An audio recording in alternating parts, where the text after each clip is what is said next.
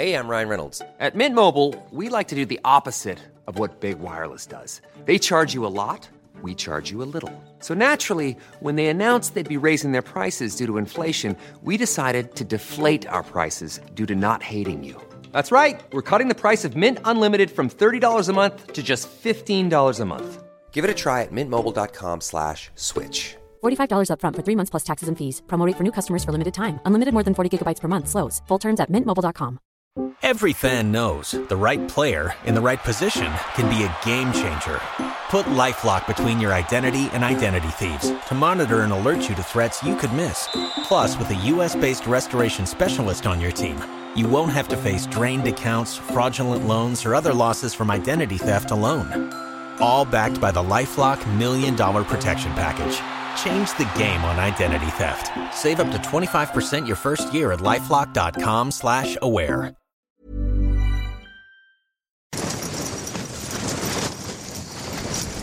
Ja, jag känner av höjden. Jag vill liksom inte släppa. Och jag känner även rädsla för att misslyckas med, mm, med stora mål här. Även om jag tror att jag egentligen bara överdriver. Jag har nästan varit på toppen efter tre dagar i en push på 2000 höjdmeter. Jag hade 300 meter kvar till toppen. Med all tung utrustning som jag behöver för att åka ner på andra sidan. Det ska inte vara några problem. Men det är lätt så. Sitta här i sin ensamhet och vara rädd. Och titta på sina svagheter.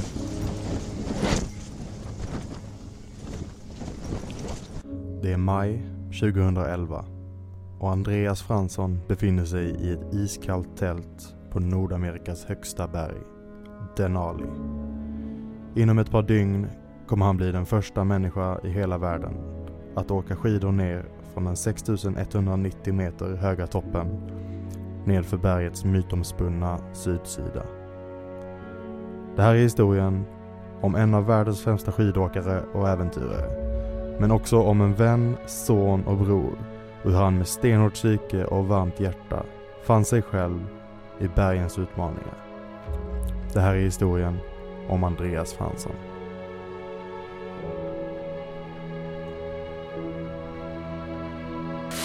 And, uh, can you take the ball there? Oh, fuck!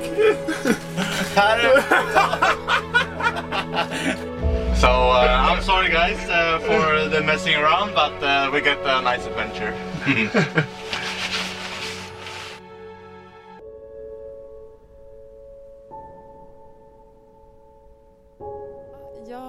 och Andreas vi växte upp i Luleå eh, i Norrland eh, och vi hade en väldigt fin uppväxt. Det är Andreas syster, skidåkaren och konstnären Sandra Fransson.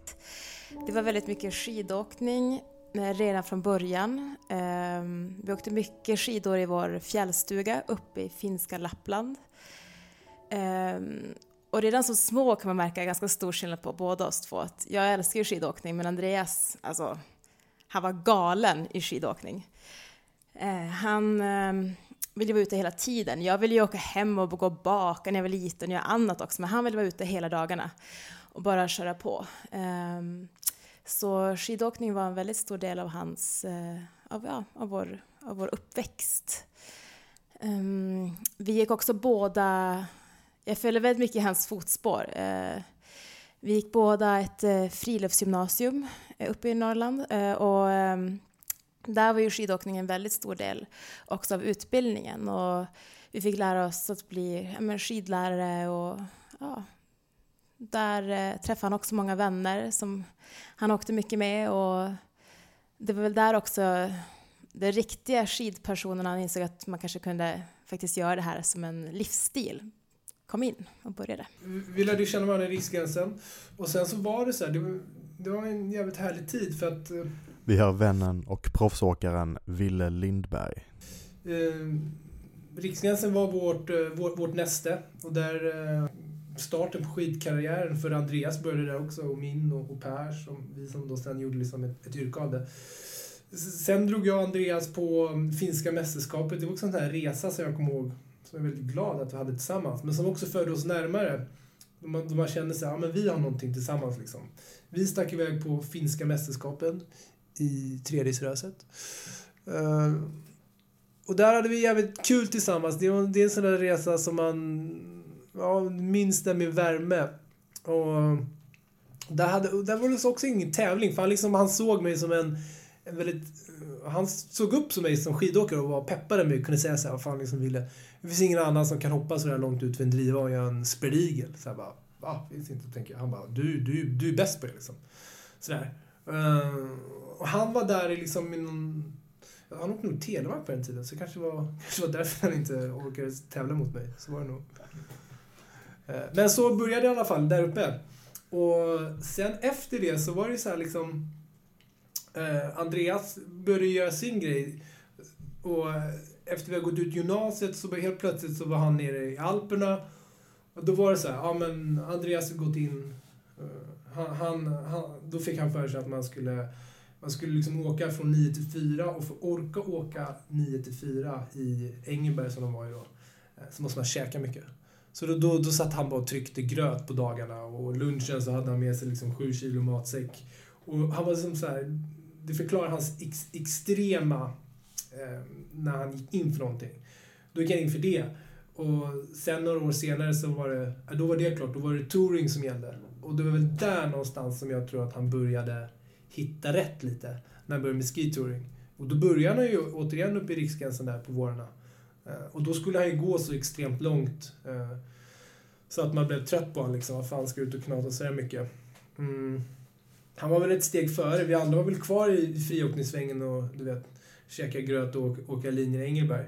Men han var väl snabbare tror jag på att hitta sin väg, eh, vad han ville göra. Eh, och det... Då var... Då, jag ska inte säga att vi växte ifrån varandra, men han hittade ju...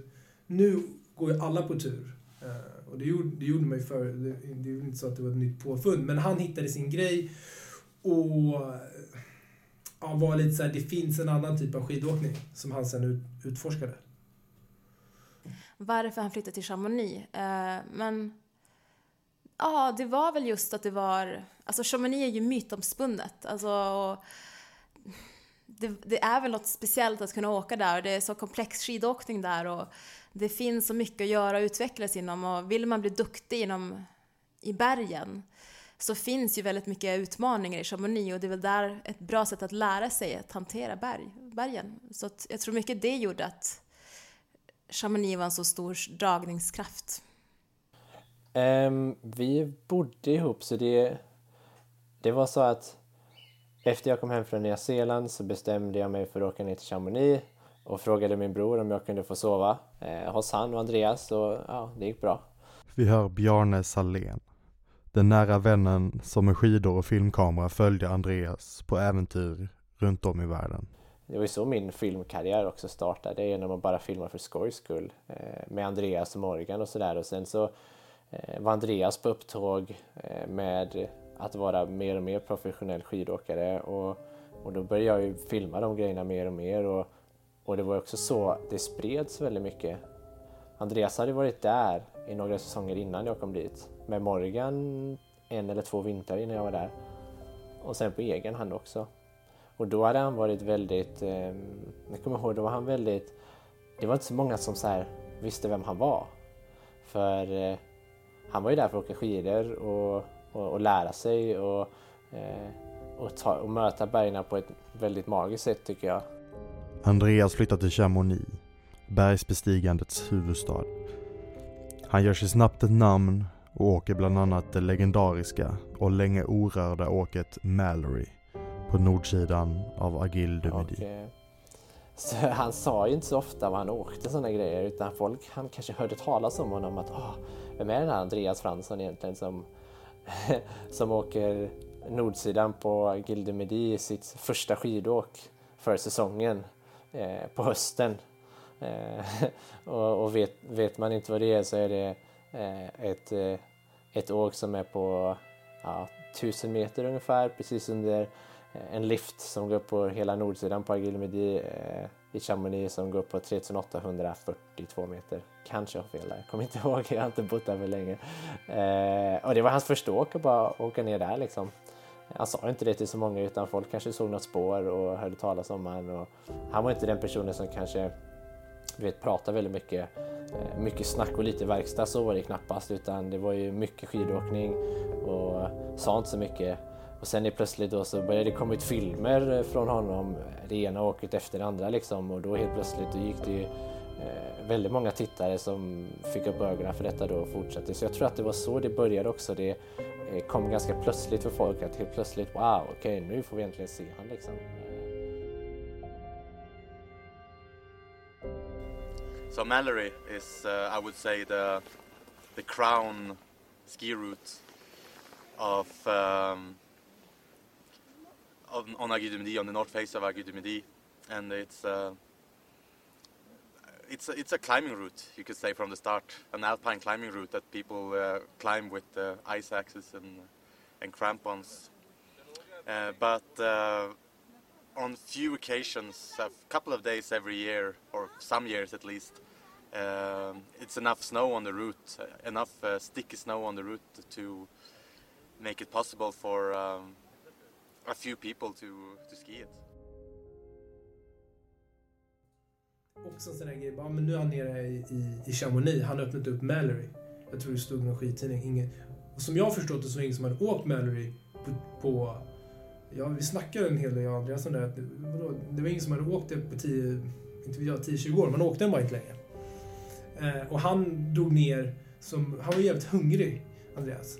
Eh, vilket jag gillade för att han, han hade driv, han ville någonstans.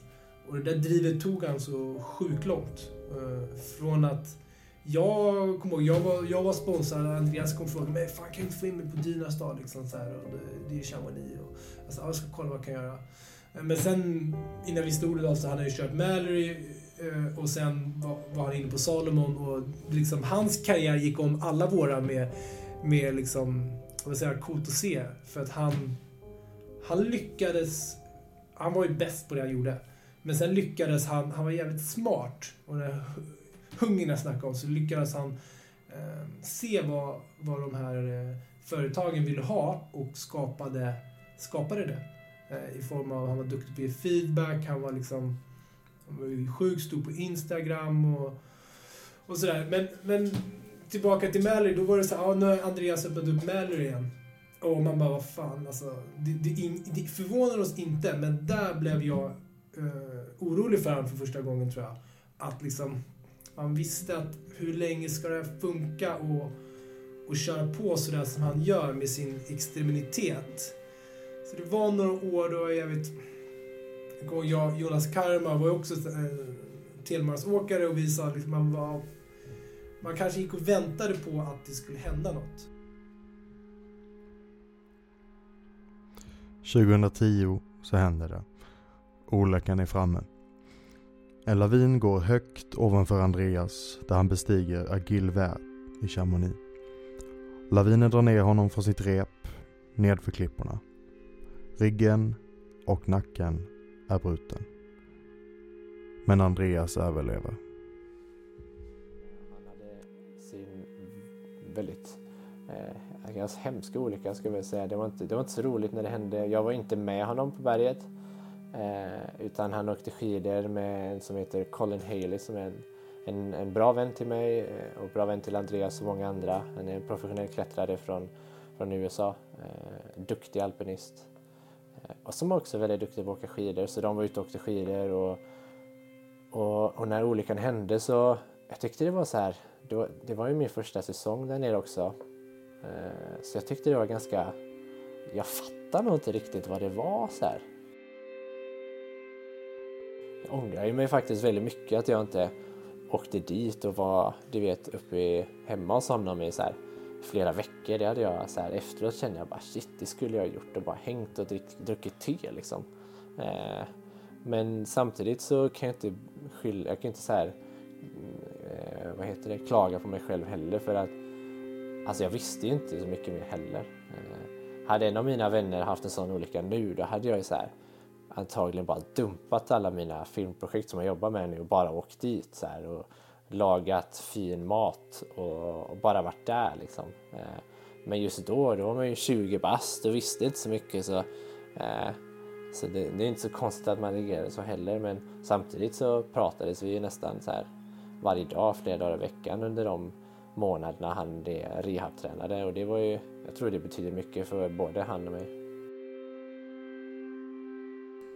Innan den olyckan så, så reflekterade jag aldrig på att det han gjorde var farligt. Det var ingenting jag funderade på. Folk sa det till mig, så, men gud, är du inte orolig för, för din bror? Han åker ju så mycket ändå farliga åk och sådär. Ja, jag tror inte att något kan hända honom. Och det var ingenting jag tänkte på ärligt talat. Jag var bara jag vet, det kanske också att jag var så uppe i mina, mina egna grejer, men, men, men så när vi fick det här samtalet där, där de sa att han ehm, hade varit med om en stor olycka och visste inte om han skulle överleva så fick jag panik. Jag var jättechockad, jag fattade ingenting och det var jätte, jätte, jättehemskt. Eh, jag, hade, jag fick en jättechock. Men efter den olyckan, då ändrades någonting. Eh, vi kom också varandra mycket närmare. Vi började prata om döden, vi började prata om, om livet på ett helt annat sätt. Ehm, men också så tog jag ingenting för givet längre. Han valde ändå att fortsätta med skidåkningen och hans åkning... Han tog ju på ett sätt mindre risker. Han visste ju, alltså han... han eh, man kan tänka att hans skidåkning var ganska galen, men mycket av det han gjorde gjorde han ändå med med säkerhet, han hade väldigt bra kunskap om bergen och kände han inte att det kändes rätt så, så vände han om. Men det var ju ändå på sån hög nivå så riskerna fanns.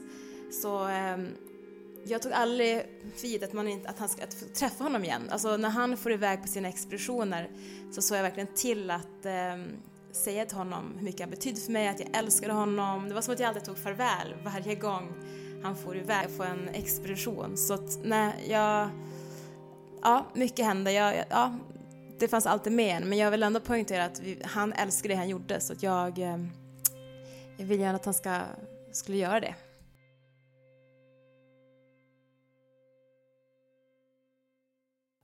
I början så vet jag han, han, han kunde liksom inte ens gå i början då, sen så kunde han gå. Och då hade han, han är så jäkla duktig på sånt där. Han bara, ah, nej men idag ska jag ha det här målet. Och målet då, det var väl kanske att gå eh, du vet, 10 meter utanför huset och sen tillbaka. Eh, och sen efter det så skulle han liksom till brevlådan och tillbaka. Så gjorde han det någon vecka och sen bara, äh, nu jäklar liksom. Då hade han som mål att då skulle han gå runt halva fotbollsplanen.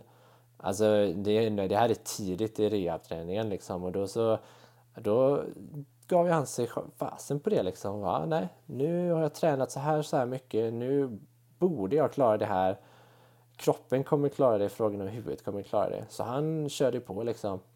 Klarade halva fotbollsplanen, kom hem och han var helt slut vet jag att han berättade. Han var så här, det kändes som att han hade sprungit ett maraton vet du. Eh, men sen du vet, eh, återhämtade han sig lite grann och sen en dag, två dagar senare så bara, nej, nu ska jag köra hela fotbollsplanen. Och då gick han runt hela fotbollsplanen och så fortsatte det hela tiden. Så jag tror att han det var liksom ingen fråga om man skulle komma tillbaka. Det var mer en fråga om när. Så um, det tog ju x antal månader och han kom ju tillbaka fortare än vad någon ens hade tänkt. Så jag tror att det beror mycket på den positiva inställningen han hade då och som han alltid haft och den eh, motivationen och att alltid se träningen som han utförde på ett mycket fint sätt. Var, alltså han ifrågasatte ju alltid det han gjorde och ibland undrar han om han verkligen skulle ha på med skidåkning eller inte, är det värt det? Men han kom väl tillbaks till det igen, att det var det ändå. Han älskade det han gjorde. Men, men efter hans första olycka, efter allt som hade hänt, så började han ju ändå ja, fundera på det han gjorde. Alltså han, han lyssnade verkligen på sin magkänsla och som sagt, han eh, vände om väldigt många gånger. Folk, det vet man inte om när man ser på hans skidfilmer eller fotografier. Att, tänker man bara vilka fantastiska åk han har gjort och så vidare. Men en stor del av gångerna så vände han ju om när han kände att det inte kändes bra. Så han tog ju jättestort allvar på det och jag var ute i bergen med honom och jag menar, så alltså säkerhet och var väldigt viktigt och han hade sån extrem kunskap, enorm kunskap också om bergen så att um, han gjorde verkligen allt han kunde. Sen eh, när man är ute i bergen så händer ju saker vare sig man vill eller inte. Så det är klart att man är rädd ibland. Det är klart att man är rädd för alla andra faror som är runt om men Det vet jag han och jag pratar om mycket. Det är så här, klart att man är rädd ibland. Det handlar om eh, du vet is som kan falla ner på dig eller snöras eller laviner från sidan eller under dig. Eh, glaciärsprickor och mycket den här som, som man egentligen inte kan kontrollera. Liksom. En, en skidsväng kan man ju kontrollera på ett helt annat sätt än, än eh, objektiva faror som finns uppe i bergen och det är de som han, det är klart att han var rädd för dem ofta liksom. Eh, så det, rädsla är någonting som han var väldigt bra på att behärska också tycker jag. Eh, för är man rädd för någonting då, eh, det, det, liksom, det kommer ofta panik och man blir stressad och sådana saker men kan man hantera sin rädsla på ett annat sätt liksom och känna att ah, okej, okay, shit, nu är jag rädd. Ja, ah, okej, okay, ja, ah, nice liksom. Men varför är man rädd? Då får man ifrågasätta sig det och liksom tänka utanför the box och känna att vad är det för faktorer som spelar in varför jag blir rädd? Och kan man då hitta svaren till dem, då kan man ju hantera situationen på ett helt annat sätt. Smartaste killen när det kom att befinna sig i bergen. Eh, jämfört med de franska killarna där nere. De var ju liksom, de skrattade ju åt Andreas när han liksom började ta fram rep på, på agillen och bara nu grabbar, sätt oss, sätt oss in i rep här. Och de var jävligt... Eh, de gillade inte Andreas. Där återigen så fick man ju se hur han... Kom, han var helt kompromisslös. Han kompromissade ingenting. Så när han kom ner till Chamonix körde han sitt race och passar inte så... Så passar inte. Och det var jävligt många som mm, stack i ögonen att han var så framgångsrik. Eh, men eh, Andreas eh, duckade inte för någon liksom. Körde på sitt race. Du vet om vi skulle prova något åk eller någonting då generellt sett under en säsong så provade vi det fyra gånger och fjärde gången så var det kanske bra att göra det. Så alltså, vi testar ju grejerna hela tiden bara för att prova. Känns det inte bra? Ja, men då går vi hem. Och det var så jag tyckte det var så jäkla nice då. Men då behöver man inte känna så här mycket press och sånt utan vi stack ut och så eh, andades vi med bergen kan man säga och kände att ah, okej, okay, vad, vad är bra att göra nu? Ska vi fortsätta? Ska vi gå hem? Eh, och man hade alltid en bra konversation om saker och ting. Även om vi var med andra liksom så eh, Eh, hade vi alltid den mentaliteten. Eh, så där lärde jag mig väldigt mycket av honom att speciellt som filmare också att om man är ute och filmar någon då ska det svåraste är ju att säga nej liksom. Eh, det sticker man ut och är med så här världsstjärnor i bergen liksom så kommer jag liksom en en liten västkustbo från Sverige och liksom ska springa med dem och filma så här och, och då lärde jag mig väldigt mycket av honom tror jag att det, det bästa det är ju liksom att ha bålsen och liksom våga säga nej men det här känns inte bra för mig. Jag tycker att vi ska gå ner liksom. Och sen så kommer jag ihåg att vi var ute och jag ville freerida ner i någon couloir som vi skulle fira oss ner. Så bara Andreas, jag kan hoppa ner den där. Han bara, det kan du säkert göra. Uh, jag tror det. Men om du ska åka skidor och på det här sättet så kan du hoppa ner den där couloiren säkert eh, 99 gånger. Men 100 gånger du gör det så går det dåligt. Eh, så han visade nog mig också ett, ett annat sätt att åka på. Eh, och det märkte också när vi åkte med Anders Chamonix, fan vad sakta han åker så här, skulle jag bränna förbi lite. Och sen så började jag ramla och helt plötsligt får jag inte stopp. Så eh, liksom, i, I vanliga fall så kanske ja, men det faller 10 meter. Liksom. Och på de där sluttningarna, liksom, då får du inte stopp. Så de märkte också så här, du, du måste åka på ett annat sätt. Så han, han, var, han gillade ju att lära ut. Så att, eh, han lärde mig eh, mycket om bergen alltså. Det är jävligt häftigt eh, med människor som har en övertygelse. Eh, som, och det hade jag aldrig haft. Han har en enormt stark övertygelse och vågade gå sin egen väg. Inte minst, jag kan bara själv, tänk själv att öppna upp en... Alltså de där åken de gör liksom. Som han, som han gjorde. Att öppna upp Mallory igen efter ingen åkt i 20 år. Då ska man ha lite innanför pannbenet och det hade ju Andreas. Han var ju så jävla envis. Eh, så jag, jag, jag tror att han, hade en, en enorm hunger av att lyckas. Eh, ett, jä, ett jäkla driv. Eh, tillsammans med, med ett starkt pannben. Och det gjorde utöver det vanliga, pratar vi nu om. När man pratar om Andreas, är allting utöver det vanliga. Eh, och det gjorde ju att han kunde göra de där grejerna. Han pushade sig så hårt och han var... Senare blev han ju även en, han blev en inspiratör av dess like. Han fick ju den här eh, spirituella delen eh, till skidåkningen. Och det gjorde honom ju ännu starkare. Spiritualitet och yoga var verkligen någonting som var, som var väldigt stort för honom. Han gjorde yoga varje dag och mediterade väldigt mycket. Och, um, både för att det var bra för hans kropp, för smidigheten och för hans skidåkning. Det gav, han sa att det hjälpte honom jättemycket med den delen men också för att hitta någon sorts ro i allt som har hänt honom. Och det var ju verkligen så jag och min bror vi connectade faktiskt mest. Det var inte genom skidåkning utan det var genom det spirituella. Det var där vi connectade på djupet och hade våra finaste samtal och där vi pratade om allt från döden och alltså verkligen fann varandra och för det är jag evigt tacksam. Eh, en väldigt stor grej är att jag tror han hittade sig själv där ute. Och det är mycket sånt som jag, jag han brukade prata väldigt mycket om, så här, hur man, vem man är, hur man hittar sig själv. Um, när man känner livet som starkast. Och, och, det gör alla personer i olika sammanhang, tror jag. Ehm, och jag tror att Andreas kände det största när han var i bergen. Ehm, och, och det finns ju väldigt många sinnen som är väldigt, väldigt starka när man är ute. Men jag tror att det var väldigt magiskt för honom att liksom känna världen, känna livet, meningen med livet. Och det var liksom, det var ju hans grej och det var det han ville göra. Eh, och det är väldigt många i världen eh, som aldrig hittar det. Eh, det som kanske han hittar i väldigt tidig, tidig ålder egentligen. Eh, och det är väldigt många som kanske lever hela livet utan att känna att de liksom verkligen hittar det som de så brinner för och det hittade han ju verkligen. Eh, och, och, när man gör det då är det liksom en förklaring som kanske man får svar på när man hittar sig själv i de elementen där man verkligen, alright, det här är liksom jag. Och det var så han kände, är min uppfattning. Och det var då han var lyckligast också. Och det är klart att man vill göra det som man tycker är kul och man är lycklig av att göra. Speciellt när det handlar om att vara ute i naturen. Så jag tror det är väldigt många sådana inverkningar som han tyckte var så här. Det är han och det tycker han om att göra och han kommer fortsätta göra det och han älskar det. Och det är klart att man är glad när man känner så. And uh, this time we got accompanied by two uh, Norwegian locals, Lars Vegard.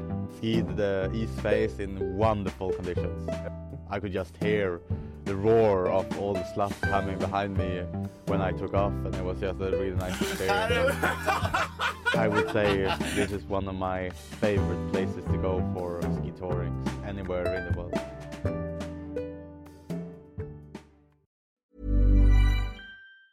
Say hello to a new era of mental health care.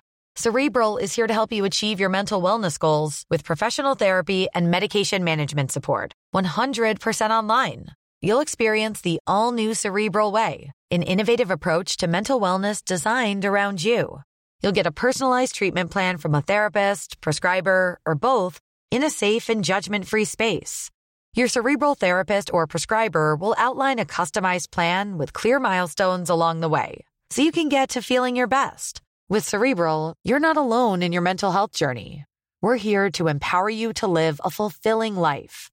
So take that first step towards a brighter future and sign up today at cerebral.com slash podcast and use code ACasts to get 15% off your first month. Offer only valid on monthly plans. Other exclusions may apply. Offer ends July 31st, 2024. See site for details. Hey, I'm Ryan Reynolds. Recently, I asked Mint Mobile's legal team if big wireless companies are allowed to raise prices due to inflation. They said yes. And then when I asked if raising prices technically violates those onerous two year contracts, they said, What the f are you talking about, you insane Hollywood ass? So to recap, we're cutting the price of Mint Unlimited from $30 a month to just $15 a month. Give it a try at mintmobile.com slash switch. $45 up front for three months plus taxes and fees. Promo for new customers for limited time. Unlimited more than 40 gigabytes per month. Slows. Full terms at mintmobile.com. Every fan knows the right player in the right position can be a game changer. Put LifeLock between your identity and identity thieves to monitor and alert you to threats you could miss. Plus, with a US-based restoration specialist on your team, you won't have to face drained accounts, fraudulent loans, or other losses from identity theft alone. All backed by the LifeLock Million Dollar Protection Package. Change the game on identity theft. Save up to 25% your first year at LifeLock.com slash aware.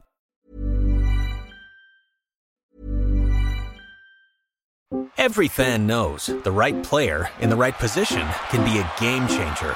Put LifeLock between your identity and identity thieves to monitor and alert you to threats you could miss. Plus, with a US-based restoration specialist on your team, you won't have to face drained accounts, fraudulent loans, or other losses from identity theft alone. All backed by the LifeLock Million Dollar Protection Package. Change the game on identity theft. Save up to 25% your first year at LifeLock.com slash aware.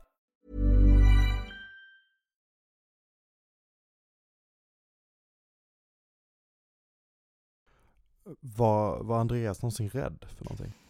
Um, ja, alltså han, ehm, han kanske inte pratar så mycket med oss i familjen om det tror jag, för att han vill nog inte oroa oss. Vi var nog redan rätt oroliga för honom. Um, men jag kommer ihåg att när han var ute um, åkte skidor i, um, i Patagonien så var det ett av hans åk när han var där som var väldigt brant. Den resan i Patagonien var bland de mest, mest minnesvärda resorna som jag gjorde med Andreas. Och det var ett åk som han liksom hade funderat på väldigt länge. Och det var faktiskt Colin Haley, den killen som var med Andreas på olyckan i Chamonix x antal år tidigare. Det var den killen som sa till Andreas, du jag tror jag hittat ett åk som du skulle gilla. Och Andreas liksom lyssnar ju alltid och när han såg bilden på den här rampen och då Andreas bara, det där vill jag göra. Och det var ju någonting som talade till honom då att alltså det där är någonting som man får träna för och alla medel som han har byggt upp under alla år eh, sätts på spel. Liksom. Eh, samma sak när han åkte ner för Denali liksom, som var ett mycket större åk. Men det här var tekniskt mer... Då sa han att han hade nått sin gräns, att han ville inte göra något farligt. Alltså det var, att han faktiskt var rädd och han kände att det här var verkligen på gränsen. Um, så att absolut fanns det med i bilden. Men han sa ju också många gånger att man ska inte låta rädslor stoppa en. Och det tycker jag också är viktigt att man... Vi lever ett väldigt, väldigt kort liv och jag tycker ändå man måste våga leva det också. Det får inte bara bli... Det är någonting jag verkligen försökt lära mig åt, på en annan nivå kanske, men ändå att man faktiskt vågar göra saker. Ehm, jo, när han såg den här bilden på rampen då kände han ju att ja, men det där vill han testa liksom. Och han vet inte om han, om han kommer klara det eller inte. Utan klarade han det, om han inte skulle klara det, då hade han inte ens eh, eh, gått så långt upp liksom. Utan han kände att det är värt att åka dit och testa och går det så går det och går det inte, ja då har han lärt sig något. Eh, och då vet jag att han jag följde med honom hela vägen upp till bergsrundet för det var lite glaciärsprickor och så vidare på vägen upp och jag filmade och sådär. Och jag, jag ville ju inte ens, jag hade inte ens tänkt att följa med över bergssundet utan det var ju hans, hans gig liksom. Eh, och, eh, och jag, även om han hade, alltså han hade inte ens, grejen är att han hade inte ens sagt till mig att Bjarne ville följa med. För han visste ju också sin egen nivå och min nivå. Och hans nivå var ju så himla mycket högre än min. Och han skulle aldrig i hela sitt liv ta med sig någon då han tar ansvar för den personen på ett sånt skidåk. Liksom. För det, gör det ett litet misstag, då det finns inte längre. Eh, det som var så bra med det här åket, det var att de objektiva farorna, alltså stora isflak som kan falla ner, glaciärsprickor, laviner, eh, Eh, snö från sidan som kan komma in i åket och allt, allt det där liksom snöras ovanifrån. Det, det var väldigt lite sånt. Det som var väldigt mycket, det var ju konsekvenserna om han skulle, om han skulle ramla när han åkte skidor till exempel. Eh, men då visste han ju sig själv också att, eh, att det skulle liksom, hur ska man säga, han kände sig själv så pass bra så han, hade han känt att det inte var bra, nej men då får han sätta in ett ankare och bara fira ner och så är han nere liksom. Eh, och det kanske låter nonchalant av mig när jag säger det här men det var ju lite så. Alltså, han är så pass duktig så han klättrade upp och kände snön och liksom, det var väldigt lite snö på, en, på berg och is och han visste att det skulle vara tillräckligt mycket för han har gjort det där hundratusen gånger. Eh, men han visste också att det här är på gränsen liksom. Och jag vet när han åkte ner, han, du vet, han, han tog inte ens fram sin kamera liksom och tog kort där uppe för att det var ju så snorbrant alltså. Det var ju så här. Eh, han till exempel visade mig dagen efter när vi gick ner från campen ner till byn så här. Han bara Bjarne så här brant var det hela åket. Och då stod jag du vet med två isyxor och in med mina skidor in i liksom och höll i mig liksom. Och jag bara shit man fritt sjutton att han var helt slut när han kom ner då liksom. För han körde ju bara en sväng åt gången eh, hela vägen ner tills han kom ner till traversen då han fick ta ett rep och fira ner såklart för det var inte värt att åka där. Det var ju bra. Eh, men då psykiskt sett så var han ju helt slut på grund av att alltså fysiskt han, ska, han skulle säkert kunna så här, klättra tusen meter till utan problem. Men grejen är att han ansträngde sig så pass mycket när det kom till att klara av det här åket. Det var mycket mentalt tänkte själv åka på en liten ramp som går snett vänster och går det rakt ner så är det jag vet inte hur långt, alltså mer än tusen meter precis rätt ner. Liksom. Så att, eh, en en så person som inte är van vid det hade ju freakat ut direkt och bara tagit fram ett rep och firat ner. Men han kände att ja, en sväng i taget så kommer det här gå jättebra. Och, alltså jag var visst klart jag var rädd när jag filmade lite grann så här men samtidigt kände jag att ja, han vet ju vad han gör när det kommer till att åka skidor och nu får han göra det som han har tränat så många år och det gick ju bra som helst. Och eh, titta ner på facen i världen. Det är fan en dröm som går i uppfyllelse. Fan vad Vi är tillbaka på Denali 2011. Bjarne Salén berättar. Tiden det tog att komma ner från toppen till allt var slut tog extremt lång tid på grund av att när han började åka eh, när det var soligt på morgonen, sen blev det så pass varmt på eftermiddagen så det började regna stenar och grejer. Och det var det som räddade hans liv egentligen. Det var att med hans erfarenhet, alltså hade man inte haft erfarenhet där, då kanske man hade fortsatt. Och då hade man antagligen fått någon sten eller någonting på sig. Men då bestämde han sig för att ja, är det bara att sitta här. Så han slutade ju när det blev varmt. Så satte han sig bara under en sten och värmde vatten och åt så lite som möjligt egentligen för han hade inte jättemycket mat med sig. Eh, för att eh, hur säger man, slösa så lite energi som möjligt.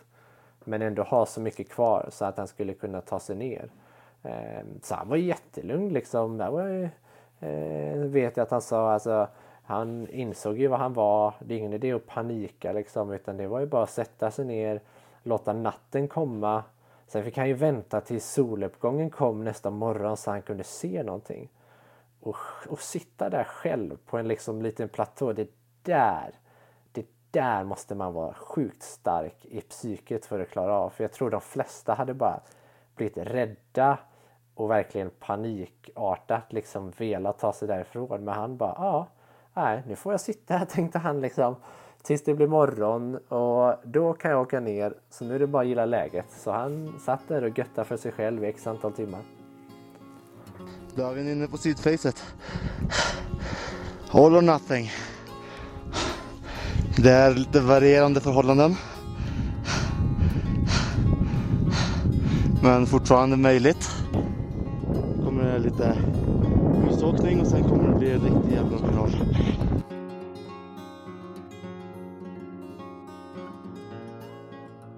Skidåkning blir inte så här större än så här någon annanstans. Jag har åkt 500 meter och det ser inte ut som att jag har åkt någonstans.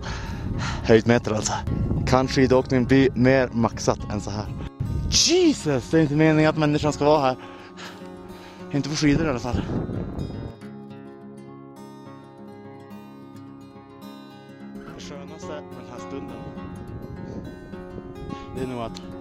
Det finns ingen återvändo.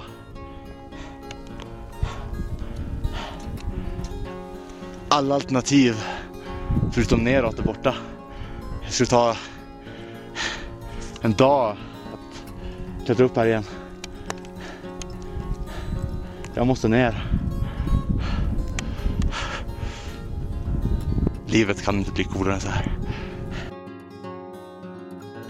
Sketchy Traverse. För på skidorna igen. Det är lite snö på is. Vi kan se hur det drar igenom. Jävligt seriöst. Men eh, vi ska testa åka lite skidor också. Eh, Mm.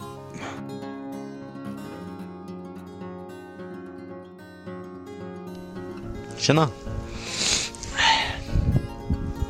Klockan är Eh, 4.30 senast eh, när eh, jag filmade så gjorde jag någon filmning i någon couloir. Eh, det började regna rätt mycket sten från så varmt där borta och snön var riktigt kass. Så eh, jag tog det lugnt och eh, tog mig ner under natten. Jag var nere, jag sitter nu precis bredvid väggen. Eh, runt klockan tre. Nu sitter jag här och bara dricker och äter och eh, tittar på utsikten och fryser såklart. Ja, så kan det gå. Det var en eh, jäkla pers att ta sig ner för det här berget. Det sista kruxet gjort. Isfallet. I bakgrunden ser man sydfacet på Denali.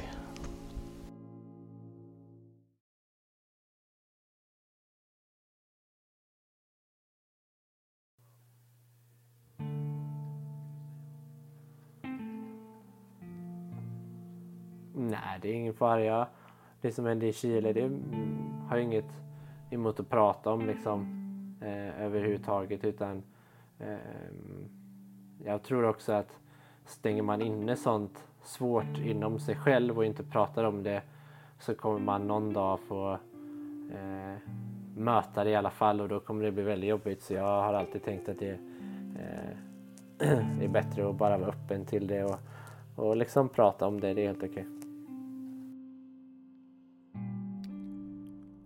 Tidigt på morgonen den 29 september 2014 på Monte San Lorenzo i Chile tar Bjarne och Andreas farväl. Och Andreas ger sig av tillsammans med kanadensaren JP och Claire. Senare samma dag försvinner de båda i en lavin. Jag fick veta om olyckan genom min pappa som ringde mig och eh, det var en bergsguide eh, som inte var på plats men som, de har ju bra kontakt och när, man, när det händer något så ringer de till varandra och de ringde då till eh, mamma och pappa. Och när pappa ringde så visste jag inte, eller visste inte han vad som hade hänt. Vi fick bara veta att det var en olycka. Och då fick vi veta att ehm, eh Andreas och, och en till hade varit med om en eh, lavin. Och vi visste inte om de levde och de, de var inte funna. Det var så... Eh, det var den informationen vi fick när telefonsamtalet kom första gången.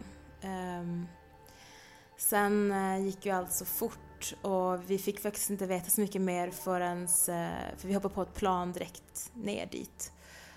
Eh, och fick mer info, förstod mer hur läget var när vi väl kom på plats. Så det var några timmar där man inte visste någonting egentligen.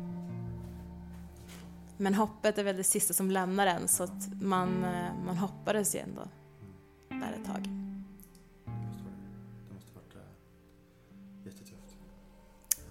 Ja, det, det var, det, ja, det var jätte, ja, verkligen. Men det var fint att få vara med med, med, nära, alltså med också med, med JPs familj och det var fint att få se bergen. Alltså, Andreas pratade väldigt ofta om hur han tyckte det var så himla vackert där borta och med San Lorenzo, eller med de bergen och han, ja men det var magiskt vackert och när jag fick se ändå bergssiluetten och se hur fint det var så gjorde det lite lättare för att de enda bilderna jag hade i huvudet var men så här skräckscenariot hur han faller ner i en lavin och han inte kan andas och så här jättejobbiga bilder. Och när jag kom dit så fick jag en helt annan bild i huvudet till det här med, med olyckan. Eh, nu ser jag, när jag tänker på hans död så ser jag de vackra bergen, jag ser flygande kondorer och jag, det är någonting fint helt plötsligt. Det är fint att ta in men alltså det är ändå en finare, ett finare minne. Kan man säga. Eh, självklart är det den jobbigaste tiden jag har haft i hela mitt liv. Eh, från när det hände och, och framåt. Det var liksom att se sina bästa polare försvinna eh, i bergen när man filmar och eh, man vet att du vet, de gör det de tycker är väldigt kul eh, och det de lever för och har levt för så många år. Och när något sånt här händer då liksom frågeställer man sig, men vad fan skulle det hända liksom? Eh, man tycker att det är orättvist. Eh, man blir ledsen, panik och liksom, liksom lite arg. Absolut inte arg på dem överhuvudtaget. Självklart inte. Mer arg på själva naturen. Så här, varför, skulle, varför skulle bergen göra det här mot dem? Liksom? De är ju så här, sådana personer som folk såg upp till. Eh, även om man var ung eller gammal och eh, de såg på livet som jag tycker på ett väldigt vackert och positivt och bra sätt. Eh, och var ödmjuka och, och liksom varför skulle det hända dem? Sådana frågor har man ju väldigt ofta.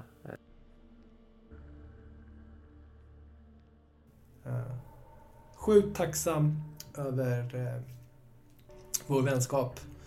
Och det går ju... Det går inte många dagar då jag inte tänker på honom. Eh, det finns alltid där. Han finns alltid där. Och därför det var... När din mästare på något sätt eh, då försvinner så blir det ju ifrågasättande till hela cirkusen. Han hade ett risktänk som uh, jag kände, jag litade på honom. Och när jag hörde att han hade omkommit då, då försvann det liksom att det finns inga garantier. Uh, jag förstår att många tänker att vad fan, han höll på med någonting som var helt bananas. Men för mig var han den uh, första killen jag skulle vara ute i berg med. Och när han försvann så var det så här, men då går ingen säker. Även fast han gjorde det han gjorde. Så det där... Och det... Nej. Jävla skit att han skulle gå, gå upp för det här jävla berget alltså. Jag tror att alla har olika minnen och väldigt fina positiva minnen för att han gav hela sitt hjärta till så många personer i så många olika sammanhang. Så därav tror jag att det är så väldigt många som har olika underbara minnen eh, sammankopplade till honom. Och jag tycker det är så man ska minnas honom också. Och eh, personligen så lär jag ju mig egentligen någonting om honom nästan varje dag även om det här, hans olika hände för väldigt många år sedan. Liksom. Eh, och jag har aldrig träffat någon som har varit så medveten om att du vet, beröra andra människor på ett sånt underbart sätt. Liksom.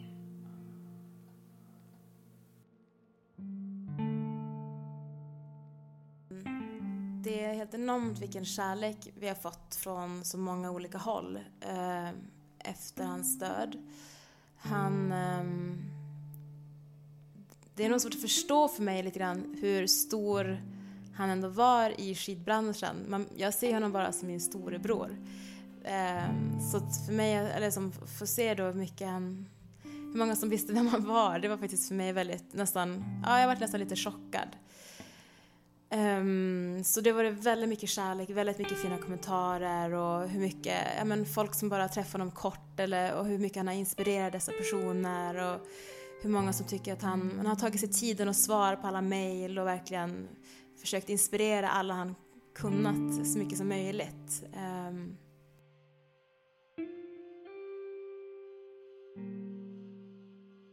Eh, ja, Andreas var ju verkligen en stor inspirationskälla för många inom, inom skidvärlden och ehm, det känns så tråkigt att det bara ska försvinna inom hans bortgång. Och han pratade väldigt mycket sista året han levde om hur han ville men, ge tillbaks till skidsamhället och, för att han fick mycket hjälp när han var ung. Och han sa alltid att när han blev klar med sin bergskattsutbildning så skulle han flyga ner ett gäng duktiga, drivna skidåkare till Chamonix och lära dem hur man ska hantera bergen.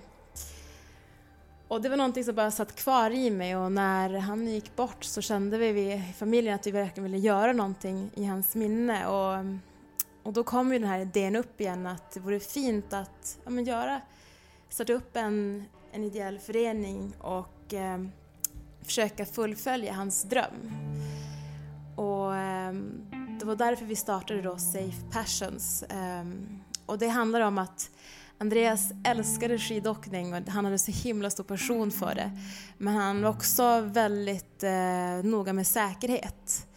Eh, och det är väl det vi vill få in i det här, att det ska vara ett, platt, eller ett forum där vi, man på ett kul sätt, vi vill inte ha sätta några pekfinger på andra och säga vad som är rätt och fel. Vi börjar lära folk om skidsäkerhet i bergen Eh, på ett roligt sätt eh, i hans ära. Och nu så har vi då camps i framförallt Chamonix där vi då och flyger ner, eh, ja men, eller har, ja, flyger ner unga personer som åker skidor och med bergsguider och lära sig om allt från eh, lavinkunskap till glaciärskunskap till firningsmoment och ja, men så man kan hantera skidåkning i Alperna. Eh, så ehm, det, ja, det känns som ett fint sätt att på sätt hedra hans hans minne och göra någonting.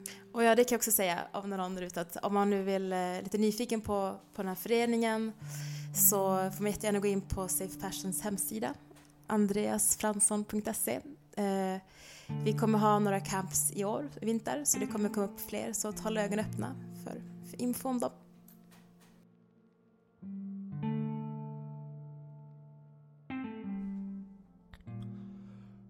Det här var historien om Andreas Fransson i Freeway-podden. Stort tack för att ni har lyssnat och stort tack till eh, Sandra, Bjarne och Ville som ville vara med och berätta. Gå gärna in på andreasfransson.se och eh, där ni kan hitta mer om Safe Passions arbete.